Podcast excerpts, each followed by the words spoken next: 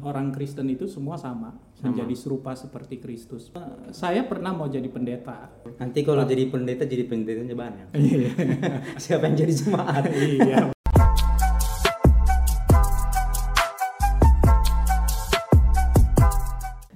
Oke, selamat datang di podcast Next Generation. Seperti yang teman-teman lihat, di samping saya sudah ada Weli Kosasi.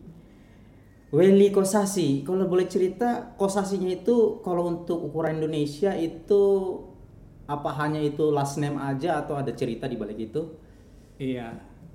Eh, kosasi itu banyak dipakai sama orang Sunda biasanya. Oh, Sunda. Iya, kalau orang Sunda tuh ada yang namanya belakangnya kosasi, tapi kalau di Sunda kan memang tidak ada marga ya. Oh, gitu. Ya, tapi banyak nama kosasi itu dipakai sama orang Sunda. Karena kebetulan eh, mama saya kan orang Sunda. Oh, gitu. Iya. Oke, Anda ini bukan seorang pendeta, tapi saya sering ada di lingkaran Anda tuh sering khotbah, sharing firman Tuhan itu sebenarnya lebih senang bagaimana? Dikenal orang sebagai pendeta kah atau kaum profesional? Eh, saya pernah mau jadi pendeta. Wah. Iya. Saya kan pernah cukup eh, lama ya untuk merenungkan itu kurang lebih ada satu tahun untuk memutuskan apakah jadi pendeta atau tidak gitu. Heeh. Tapi saya akhirnya dapat satu jawaban bahwa untuk mengikuti Yesus tidak harus jadi pendeta. Nah, itu poinnya. Iya, poinnya di situ. Karena firman Tuhan Kolose 3 ayat 23 kan juga katakan segala yang kita lakukan, lakukanlah seperti untuk Tuhan. Tuhan. Iya, jadi artinya bukan hanya pendeta yang melakukan sesuatu untuk Tuhan, kita bekerja apa pun semua untuk Tuhan. Ya, betul. Iya. Iya. Oke, karena uh, Kak Weli tadi sudah sedikit buka atau korek tentang uh, mundur ke belakang cerita Kak Weli tentang panggilan tadi untuk memutuskan menjadi seorang pendeta atau tidak. Nah, kita mau kulik sedikit Kak Iya. uh, tentang bagaimana proses Kakak tuh untuk menerima panggilan Tuhan tidak menjadi pendeta atau Kakak yang jalani yang Kakak jalani sekarang. Iya, eh, panggilan Tuhan terhadap eh, hidup kita itu biasanya eh, yang saya alami ya, bukan Iya. biasanya, tapi apa yang saya alami itu memang bertahap sesuai pemahaman tentang kebenaran dalam hidup saya. Hmm. Ya, jadi ketika saya masih eh, lahir baru dengan semangat kasih mula-mula, Tahun berapa tuh Kak? tahun 91 bulan Oktober. Iya, jadi kurang lebih udah sekitar 30 tahun ya. Wow. ya, 30 Iya. tahun kurang lebih. Ya, waktu itu saya masih kelas 1 SMA. Saya terima Yesus. Eh, sejak itu saya punya satu apa ya, satu dorongan kuat untuk melayani Tuhan. Tapi Iya. pada saat itu memang panggilan saya saya pahami yang namanya panggilan itu berkaitan dengan profesi ya, pekerjaan Nah, gitu iya. ya atau berkaitan dengan passion gitu. Iya. Passion saya pribadi gitu. Sampai akhirnya pada saat itu saya memutuskan untuk melayani eh, anak-anak muda. Wah. Ya walaupun ada beberapa pergumulan atau diskusi dengan teman-teman eh, apa pelayanan saya dulu, tapi pada akhirnya tetap saya memutuskan memang ya saya fokus untuk eh, generasi muda. Generasi muda. Ya karena saya juga merasa bahwa saya diselamatkan ketika saya masih muda. Hmm. Ketika kita diselamatkan masih muda, kita punya kesempatan lebih banyak untuk berkarya buat Tuhan. Ya, nah, betul. jadi pemahaman saya akan panggilan Tuhan adalah seperti itu pada saat itu ya. Tapi lima tahun terakhir ini menjadi satu apa loncatan besar lah di dalam Hmm, ke- iya. kerohanian saya. Sehingga pada hari ini saya memahami bahwa panggilan saya adalah menjadi sempurna seperti Kristus yang Ya. adalah sempurna. Karena itu yang menjadi panggilan tertinggi setiap kita yang mengaku percaya kepada Kristus. Ya. Ya, jadi bukan bicara tentang jabatan kita, bukan Oh. bicara tentang uh, pelayanan kita, bukan Jadi nggak main di level jabatan. bukan, bukan bermain di situ karena uh, panggilan orang Kristen itu semua sama, menjadi serupa seperti Kristus, menjadi serupa seperti anaknya yang sulung Oh kan. ya. Ya. Menjadi serupa dengan Kristus. Ya, Ya. jadi pemahaman saya lima tahun terakhir ini sudah seperti itu. Jadi saya sudah tidak pusing lagi. Saya mau jadi pendeta, saya mau jadi pengusaha gitu. Nanti kalau jadi pendeta jadi pendetanya banyak. Iya. Siapa yang jadi jemaat? iya betul betul betul ya oke kak. Uh, uh, kalau mau ditanya lebih dalam kak, untuk kakak mengal- uh, menjalani panggilan menjadi serupa atau menjadi sama dengan Kristus, Kristus sebagai yang sulung, sebagai pribadi, sebagai gereja kak, apakah mudah? Ya tidak mudah sih karena tidak banyak orang punya ma- pemahaman seperti itu juga kan. Hmm. Jadi hanya beberapa orang yang memang mengambil keputusan untuk serius artinya memperkarakan hidupnya untuk menjadi serupa seperti Kristus. Hmm. Ya karena banyak orang juga kan masih berpikirnya bahwa dia hidup untuk mencapai sesuatu di dalam dunia ini kan. Iya. Padahal justru di dalam dunia ini kita sementara. Oh, justru nah keke- itu iya, ya, betul, kekekalan kita adalah setelah kita meninggalkan dunia ini. Hanya yang sempurna lah yang bisa masuk ke dalam kerajaan Allah dan mendapatkan mahkota Hmm, gitu. Sehingga kita harus artinya serius lah dalam hal ini kita perkarakan hidup kita di hadapan Tuhan. Iya. Gitu. Nah, eh, tadi Kak, Kak Welly udah sempat singgung tentang kita harus memperkarakan diri kita dengan Ya, ya, Kristus. Iya. Nah, sedangkan kita sekarang ini Kak hidup di tengah-tengah yang menurut saya eh, spirit hedon tuh lagi ya, lagi kuat banget karena gini dengan platform streaming yang sekarang di mana-mana harus pamer yang sesuatu yang hedon ya. bahkan itu oh, kalau nggak ada itu kayaknya jadi kita agak bias kalau ngomongin Iya. keserupaan dengan Kristus itu kakak menanggapinya bagaimana kak? Ya justru itu yang tadi saya bilang jadi tidak eh, artinya tidak tidak mudah ya untuk kita karena otomatis kita juga harus eh, harus melawan eh, arus yang ditawarkan, Ditawarkan dunia. ya Iya. gitu. Jadi artinya dunia ini kan menawarkan banyak hal yang bisa memuaskan jiwa kita. Iya, Ya di dalam jiwa itu ada keinginan dan perasaan. iya, Dan ketika kita tidak menyerahkan keinginan dan perasaan kita kepada Kristus, tidak tunduk kepada pimpinan roh, Mm-mm. maka keinginan dan perasaan kita itu itu akan hanyut dengan keinginan dunia. Mm. Gitu. Dan itulah yang akan membuat kita nanti menjadi binasa. Karena firman Tuhan kan juga katakan, iya. dunia ini sedang lenyap dengan segala keinginan. Nah itu, Nah, sehingga kalau kita ikutin terus keinginan dunia, artinya apa? Ya kita juga ikut lenyap kan gitu kan simpelnya. Sehingga kita harus berenang melawan arus. Ibaratnya kalau ikan ya, itu kita jangan ikutin arus, kita harus berenang melawan arus. Gitu. Dan untuk melakukan itu tidak ada cara lain sejauh ini yang saya pelajari atau saya terus perkarakan di hadapan Tuhan selain kita hidup dipimpin oleh Roh. wah, Ah, tidak ada cara lain tidak ada cara lain selain kita dipimpin oleh Roh. oleh Roh. Karena roh itu kan penurut, tapi daging lemah. Heeh. Jadi kalau kita ikuti keinginan daging, kita akan lenyap dengan keinginan dunia ini. Mm-mm. Tapi siapa yang mengikuti keinginan daging, dia akan memperoleh hidup. Ah, Keinginan Roh maksudnya? ah iya, Itu, keinginan roh, sorry. Ya, oke. Eh, merenungkan apa yang Kak Willy bilang bahwa salah satu ketidakmudahan kita dalam memperkarakan hidup kita kepada Kristus adalah salah satunya ini Kak. Kalau Kakak tadi udah singgung tentang hidup dipimpin atau dituntun oleh Roh. Ya, ya, Stigma yang kadang-kadang kita terima Kak. iya, iya, Tahu kan? Uh, banget. Nah, itu gimana Kak? iya. Kak, jujur aja nih, kita juga sebagai anak muda, Iya, anak iya, muda iya. tuh Saya- stigma itu lumayan apa kak, menyerang kita gitu. Itu bagaimana Sa- tuh? Saya udah beberapa kali bicara juga dengan orang-orang ya, termasuk dengan beberapa hamba Tuhan. Ketika saya bicara itu selalu juga dibilangnya seperti itu. Tapi sejauh ini hampir lima tahun ini saya perkarakan terus, saya gumulkan terus di hadapan Tuhan. Ternyata hidup di dalam roh bukan tentang ngeroh, Oh gitu ya? bukan tentang roh, tapi justru bagaimana jiwa dan tubuh kita ini terpelihara sempurna. Ah, Ya, tapi roh itulah pintu masuknya karena firman Tuhan 1 Tesalonika 5 ayat 23 ya katakan kiranya eh, roh, jiwa dan tubuh kita terpelihara sempurna. Sempurna. Iya. Jadi artinya kita mulai dengan roh, maka nanti jiwa dan tubuh kita akan terpelihara eh, dengan sempurna juga gitu.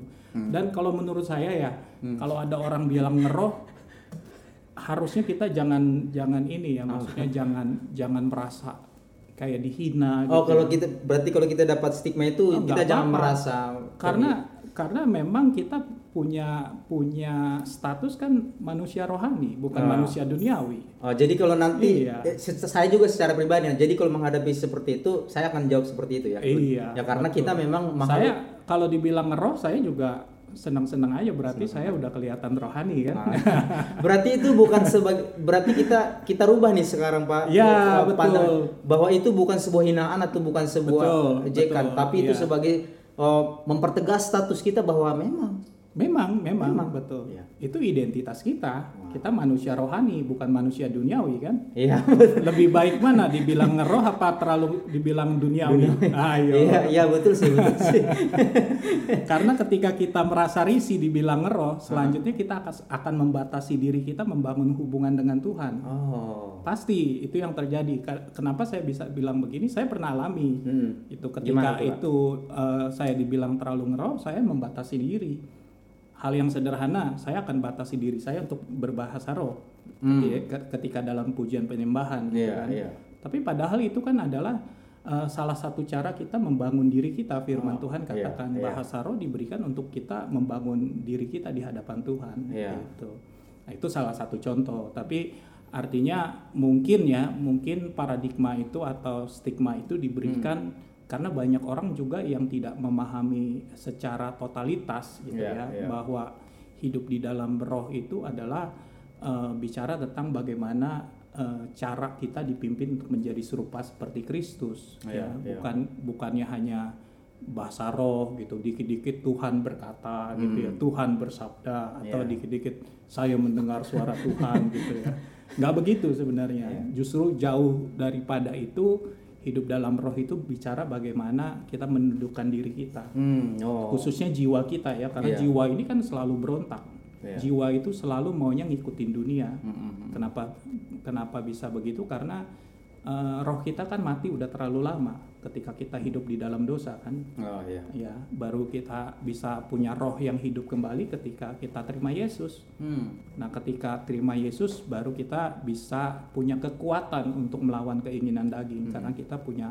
roh Kristus di dalam hidup kita Wow. ya Oke, jadi berarti uh, mengacu kepada panggilan tadi menjadi Iya. serupa, menjadi sama dengan Kristus itu berarti menyakup tadi tadi tubuh, jiwa, betul uh, tubuh, jiwa dan roh itu harus terpelihara ya sempurna. Nah, kalau berbicara tentang panggilan, ini juga kan berbicara tentang orang lain juga karena Iya. karena tadi setiap kita tuh dipanggil untuk menjadi uh, serupa dengan Kristus. Nah, Iya. bagaimana kita menghadapi orang yang begini, Kak? Kita sudah didik dia, kita sudah uh, dampingi dia untuk menjadi sama seperti Kristus, Iya. serupa dengan Hmm. Kristus. Tapi orang ini boro-boro mau sama, hmm. masuk ke lantai tangga satunya aja kayaknya susah banget. Nah, kenapa saya pertanyakan itu kepada Kak Weli? Karena saya pribadi kenal Kak Weli dari 2007. Saya masuk di 13 tahun ya ya, do, saya masuk di komunitas kita itu Hmm. NLC 2004. Tapi secara mendalam itu Iya. mulai 2007. Nah, uh, menurut kesaksian beberapa teman dan bukan cuman mereka, saya saya sendiri mengalami bahwa agak anda nih agak agak dewa di bagian di di area itu Anda sangat menerima orang tuh iya uh, agak ini bagaimana? Ya nggak tahu juga ya itu eh, eh, maksudnya apakah ini bisa terjadi eh, dengan semua orang. Tapi Hmm. harusnya sih kita semua bisa punya pemikiran atau pola pikir yang seperti saya jalani ya selama Iya. ini karena saya punya kesadaran bagaimana hidup saya dulu eh, di luar Kristus itu eh, apa tidak punya pengharapan Hmm. ya dengan segala kesalahan pelanggaran hidup saya gitu. Iya. Tapi ketika ada pribadi yang namanya Yesus kemudian terima saya dengan apa adanya gitu, Hmm. itu waduh sukacitanya luar biasa sekali gitu ya. Dan pengalaman itu kan menjadi satu cara saya ya. Oh. Cara saya eh, untuk saya bisa juga me- menjangkau orang lain. Hmm. Karena ternyata cara Yesus itu untuk menerima kita apa adanya bahkan firman Tuhan juga katakan Kak dia tunjukkan kasihnya bahkan ketika kita masih berdosa. Masih berdosa Masih bertunjuk masih berdosa dia sudah sudah tunjukkan kasihnya gitu. Apalagi kalau kita sudah di dalam Kristus. Nah itu menarik kak, Men- menariknya Iya. gitu.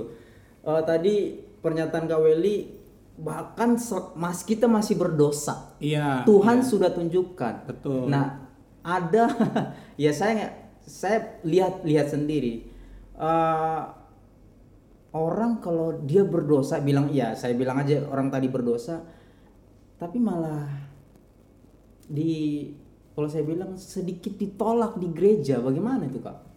Iya, memang harus di ini sih harus dirubah ya paradigmanya karena gereja itu kan untuk orang berdosa. Hmm. Kalau orang harus suci dulu baru masuk gereja, kan ya maksudnya kapan orang mampu ya Ah, untuk iya. untuk bisa dengan usahanya sendiri hidup Iya. suci gitu harus Iya. ada yang menerima itu satu. Yang kedua orang untuk bisa bertahan di dalam hidup eh, suci atau di dalam kebenaran itu juga butuh komunitas kan. Hmm. Oh. Kalau dia sudah bersalah terus ditolak oleh komunitas, Iya. itu adalah sebuah kesalahan besar komunitas itu. Iya. Karena itu saya selalu ajarkan ke teman-teman separah apa pun eh, masalah atau dosa atau kesalahan pelanggaran yang sudah dibu- dibuat ya tetap kita harus terima. harus tetap terima. Tetap terima, tapi setelah itu kita punya tanggung jawab untuk memperbaiki juga eh, dalam pengertian membimbing untuk supaya eh, orang ini juga hidupnya menjadi lebih baik. Hmm, hmm, hmm. Tapi penerimaan adalah kunci perbaikan, Nah. kunci pemulihan. Iya. Kalau tidak diterima dulu tidak bisa ada perbaikan karena dia udah tertolak kan. Iya. Ya sama seperti kita kan kita dit- diterima dulu dalam keadaan berdosa, Iya, iya. baru setelah itu Yesus pulihkan kita, dia perbaiki hidup kita, dia benarin benerin hidup kita gitu kan. Oh. Ya kurang lebih konsepnya sama sih dan ini kalau boleh saya bilang adalah kunci pelayanan anak-anak muda Hmm. karena anak-anak muda butuh penerimaan, Butuh gitu. penerimaan. dan ini juga adalah sa- salah satu eh, bentuk dari fathering the fatherless. Oh. Ya, itu itu itu menjadi satu poin penting gitu ya. Karena penerimaan itu harus dimiliki oleh seorang bapak, tidak Hmm. peduli anaknya seperti apa kan. Iya. Luar biasa. Jadi memang ya karena selama tahun-tahun itu saya kan banyak di gereja bahkan Hmm. saya tinggal di gereja. iya. Uh, memang jujur aja saya banyak temukan Hmm. bahwa kalimat-kalimat wah jangan dulu lah karena dia masih begitu. Hmm. Iya, iya, iya. Itu kadang-kadang gini kak, saya sebagai ya kadang dipercayakan juga sebagai pemimpin untuk memimpin anak-anak anak-anak Hmm. Iya. kita yang masih muda. Uh, saya kadang-kadang dijudge juga kak, kamu kenapa kamu kasih kesempatan dia kan masih begini gitu. Iya. Nah tanggapan lebih lanjut dari kak Wel itu saya pengen kulik lagi tuh. Ya, ada dua hal ya. Yang pertama kasih karunia itu Kasih bicara tentang penerimaan kan. Hmm. Tapi di satu sisi ada kan ada kebenaran kan. Oh, Ya, kasih karunia Kasih dan karunia dan kebenaran, kebenaran. itu seperti eh, dua sisi eh, di dalam eh, mata uang, Hmm, di dalam iya, koin ya. iya. Dia harus bersamaan.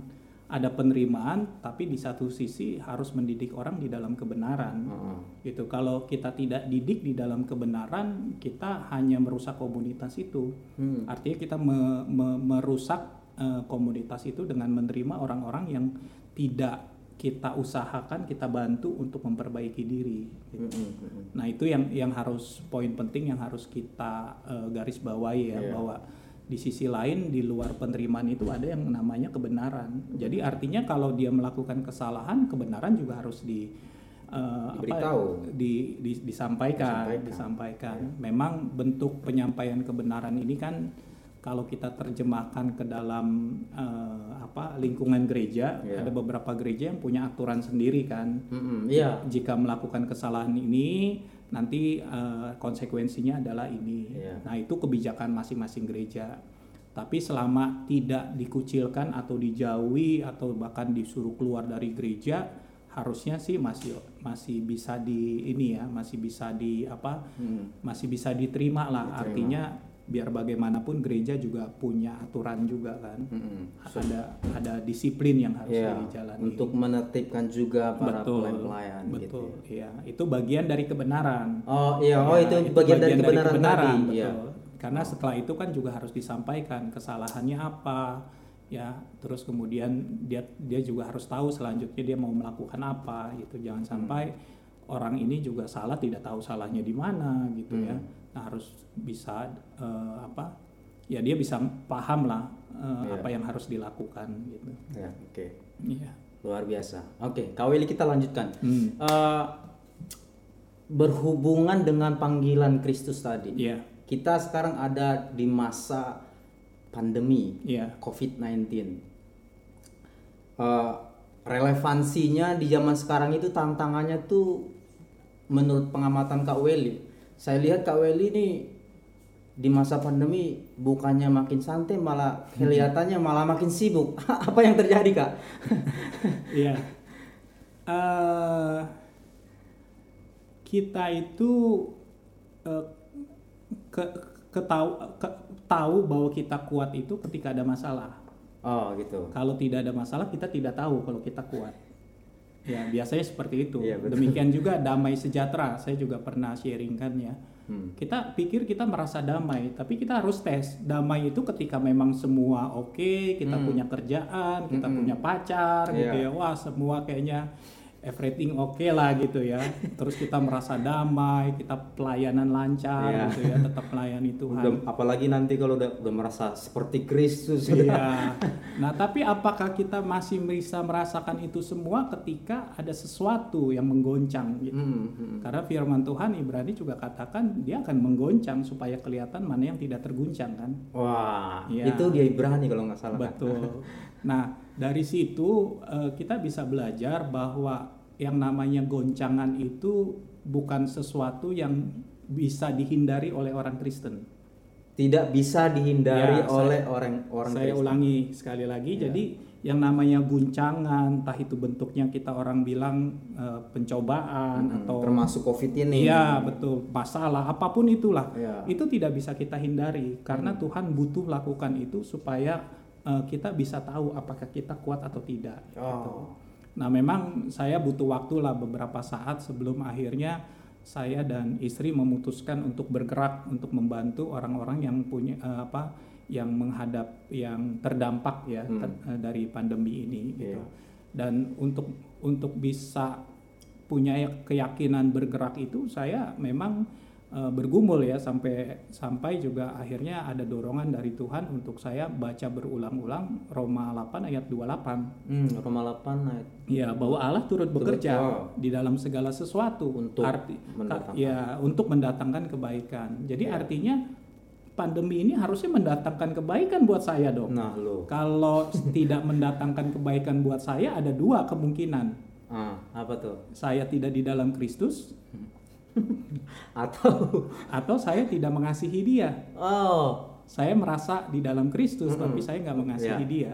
Karena Itu kan firman tuh. iya, karena firman Tuhan katakan bahwa Allah turut bekerja itu untuk mendatangkan kebaikan untuk mereka yang mengasihi dia. hmm, Gitu. Hanya orang-orang yang tetap ada di bawah payung yang tidak kena hujan. hmm. Kalau kita tetap di dalam kasih dia, mau badai seperti apa pun kita iya.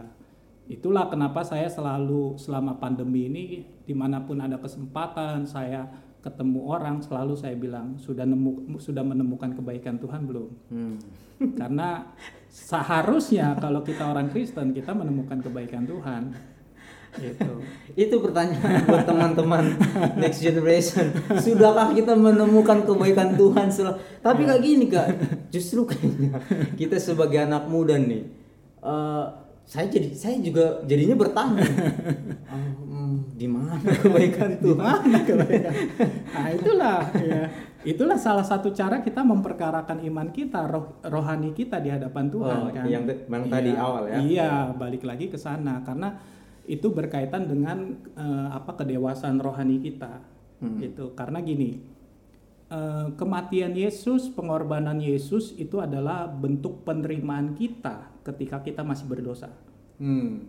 Tapi penerimaan kita terhadap Tuhan bentuknya apa? Bentuknya adalah ucapan syukur. Oh. Itu tanda kita menerima otoritas Allah dalam hidup kita. Apa pun dia mau lakukan sama sama hidup saya, saya nggak peduli. terima. Saya ter- tetap mengucap syukur. Itu bentuk penerimaan kita terhadap Tuhan. Oh. Nah, ketika dua pihak saling menerima, relasi akan semakin kuat. Wow. Nah, itu penting sekali gitu. Karena kalau satu menerima, yang satu tidak menerima ya bertepuk sebelah tangan kan. Mantap, mantap. ya, nah ucapan syukur di dalam kondisi seperti ini menunjukkan bahwa kita tunduk kepada otoritas Allah. Kita percaya hidup kita 100% kepada Allah. Pengucapan syukur kita terhadap kondisi adalah bukti bahwa kita menerima otoritasnya dia. Betul. Kalau kita komplain, ngeluh, berarti kita tidak terima dengan apa yang sedang diperbuat Tuhan atas hidup kita kan. Mm-mm. gitu dan kalau secara eh, garis besarnya gitu ya ada satu hal yang saya lihat di sini yang sangat penting adalah pandemi ini akan membuat orang yang rohani akan semakin rohani Hmm. tapi mem- membuat orang yang suam-suam kuku semakin jauh dengan Tuhan Oh. karena pada endingnya nanti hanya akan ada dua orang percaya Tuhan atau tidak percaya sama sekali Ah. gitu. Nah inilah saat-saat penentuan kita, kita mau ke arah mana? Semakin percaya Tuhan atau kita lepaskan kepercayaan kita karena kita kecewa dengan Tuhan. Saya kehilangan pekerjaan lah, atau mungkin dalam kondisi seperti ini keuangan eh, kita jadi terpuruk lah, atau apa pun itu. Ketika timbul kekecewaan, kemudian sampai akhirnya menjadi akar yang pahit, Mm-mm. ya akhirnya kita akan meninggalkan Tuhan kan Hmm. Gitu ya kebetulan juga kan saya memang eh, apa dekat sekali dengan bidang IT ya Ya itu. Ya. dengan bidang IT dengan segala perkembangan teknologi dan sebagainya itu membuat kita itu sangat meng- be- be- ber- eh, bergantung ya terhadap teknologi kita nggak bisa kehilangan HP ketinggalan HP gitu ya semua semua ada di situ gitu ya Sekarang orang lebih khawatir ketinggalan HP daripada yang lain. iya mungkin pacarnya ketinggalan nggak apa-apa gitu ya. Yang penting HP jangan yang, ketinggalan. yang penting ada HP di situ Jadi sebenarnya pacarnya HP-nya tuh. iya. Nah, maksud saya adalah ketika eh, Tuhan tergantikan ketergantungannya dengan teknologi di zaman sekarang ini, Hmm. itu akan semakin kelihatan mana yang benar-benar berharap sama Tuhan, mana yang Oh. tidak, gitu. Ya. Dan kondisi saat ini kan ada ada ada satu kondisi di mana di luar kontrol manusia, Hmm. Eh, di luar kontrol manusia, kemudian eh, seperti ada satu apa ya skenario besar nih. Iya. Kenapa ini bisa terjadi begitu masifnya di, di bukan hanya satu negara ya di puluhan negara, di ratusan negara. Iya. gitu.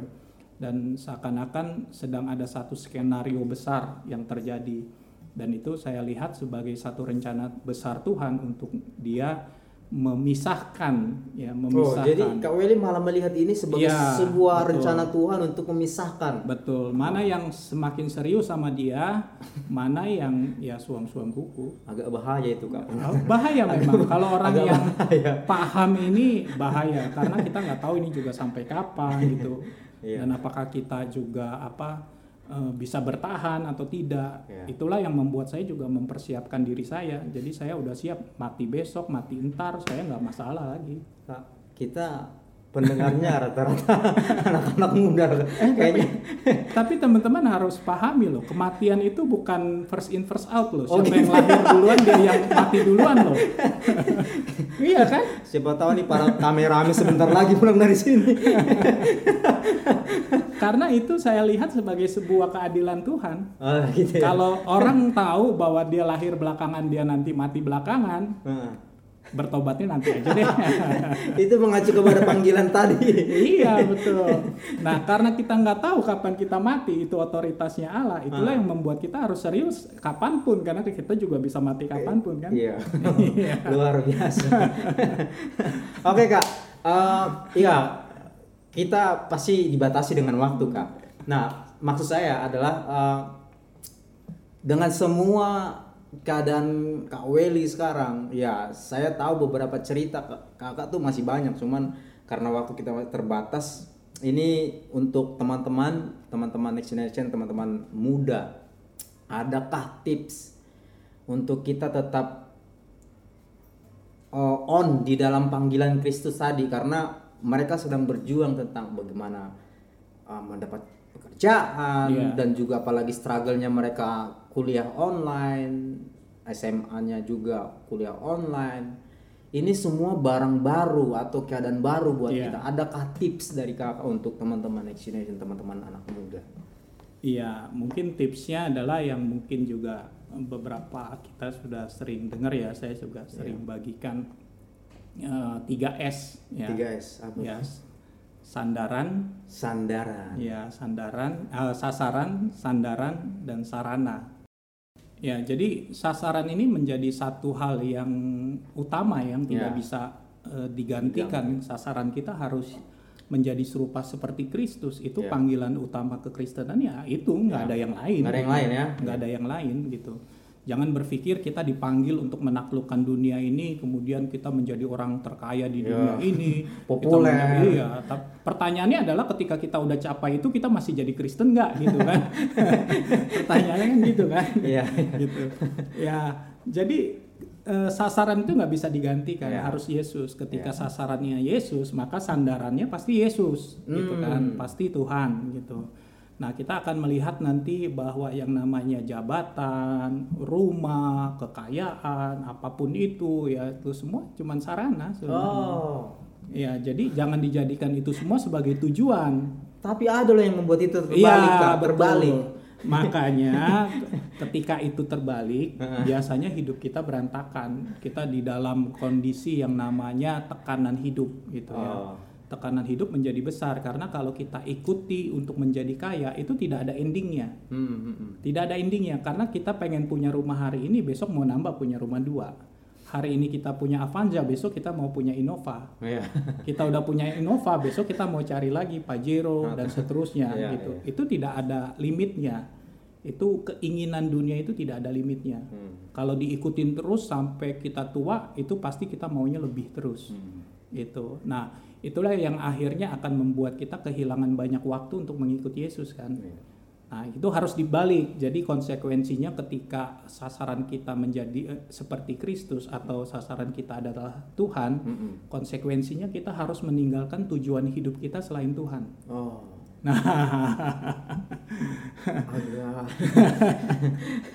Kalau ditanya hidupnya mau jadi apa, masih mau ini, mau itu, mau itu, ah berarti kalau udah yakin nggak ada yang lain, cuman Yesus. Iya. Nah itu kalau sampai kita bisa berkata Yesus satu-satunya, udah itu yang bikin hidup kita ringan. Kayaknya. Nah ketika kita bisa lakukan itu, maka kita akan paham dengan sangat mudah yang firman Tuhan yang berkata pikullah kuk yang kupasang.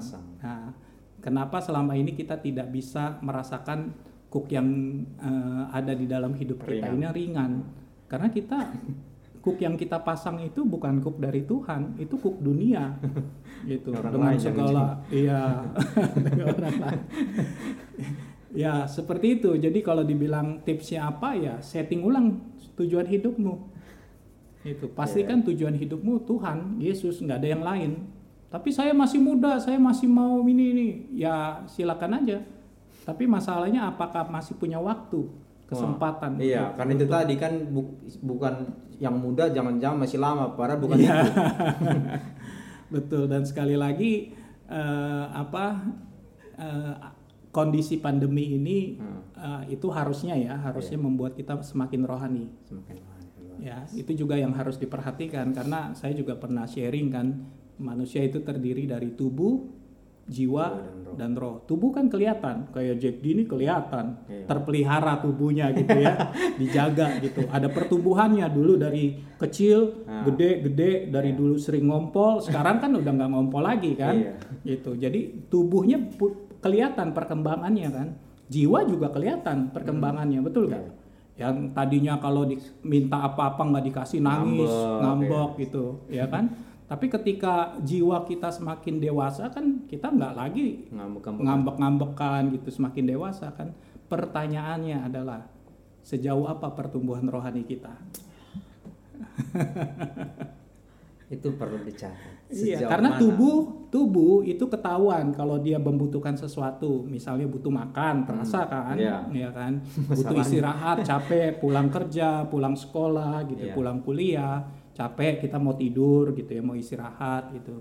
jiwa juga kita bisa melihat uh, merasakan ya Hmm. bisa merasakan uh, kebutuhannya. Kalau kita dari teka, dalam keadaan tekanan banyak pekerjaan banyak tugas dari kampus gitu ya atau dari sekolah kita merasa ada tekanan di jiwa kita kita tahu wah kayaknya butuh liburan nih gitu kan atau ah kayaknya butuh jalan-jalan di mall nih butuh refreshing gitu ya Iya. kalau anak-anak sekarang bilang kurang piknik gitu ya ya jiwa kita bisa punya deteksinya untuk mengetahui apakah jiwa kita membutuhkan sesuatu gitu Hmm. kan nah pertanyaannya kita punya nggak sensor kebutuhan roh kita Oh. roh kita sedang butuh apa. Nah, nah itu ketika kita kita sebenarnya kita punya nggak kak itu manusia punya. punya karena ketika itu roh itu tidak terkoneksi dengan sumber kehidupan itu dia akan kosong dia Oh. akan merasa kosong kayak ada yang kurang terus ya hidup Hmm. ini ya padahal pacar udah punya padahal ini udah ada tapi Udah kok kayaknya ya. kosong ya, Iya. itu saya pernah rasakan itu gitu Hmm. loh ini kayaknya mau ngapain lagi hidup begini ya nah nggak ada lain yang bisa menjawab itu cuman hubungan dengan Tuhan Oh, jadi itu Gitu. kunci jawabannya. kunci jawabannya itu Kita harus terhubung dengan Iya. Tuhan. Nah, jadi itulah kenapa Tuhan minta kita eh, roh, jiwa dan tubuh kita terpelihara sempurna karena memang eh, itu yang diharapkan Tuhan bukan hanya kita memperhatikan tubuh dan jiwa kita, tapi juga termasuk roh kita. Gitu. Luar biasa. Anda ini kayaknya lebih pendeta dari pendeta. Kalau dipancing terus bicara terus. Oke, ah, Kak, karena kita waktunya terbatas jadi sekian dulu nanti kalau ada waktu kita bisa Iya, sharing iya. topik-topik yang lain karena kita sangat diberkati sebagai orang-orang muda dari pengalamannya Kak Weli, bagaimana juga Kak Weli hidup sebagai orang yang bekerja di uh, profesional gitu Kak. Nanti Iya. kita pengen kulik-kulik di bagian situ. Boleh. Oke, terima kasih Kak Weli kita boleh tos dulu. Ya, saya juga terima kasih untuk kesempatannya bisa sharing anytime. Oke, Ya. luar biasa. Oke teman-teman, sekian obrolan kami dengan Kak Weli dan sampai jumpa di podcast selanjutnya. Bye bye.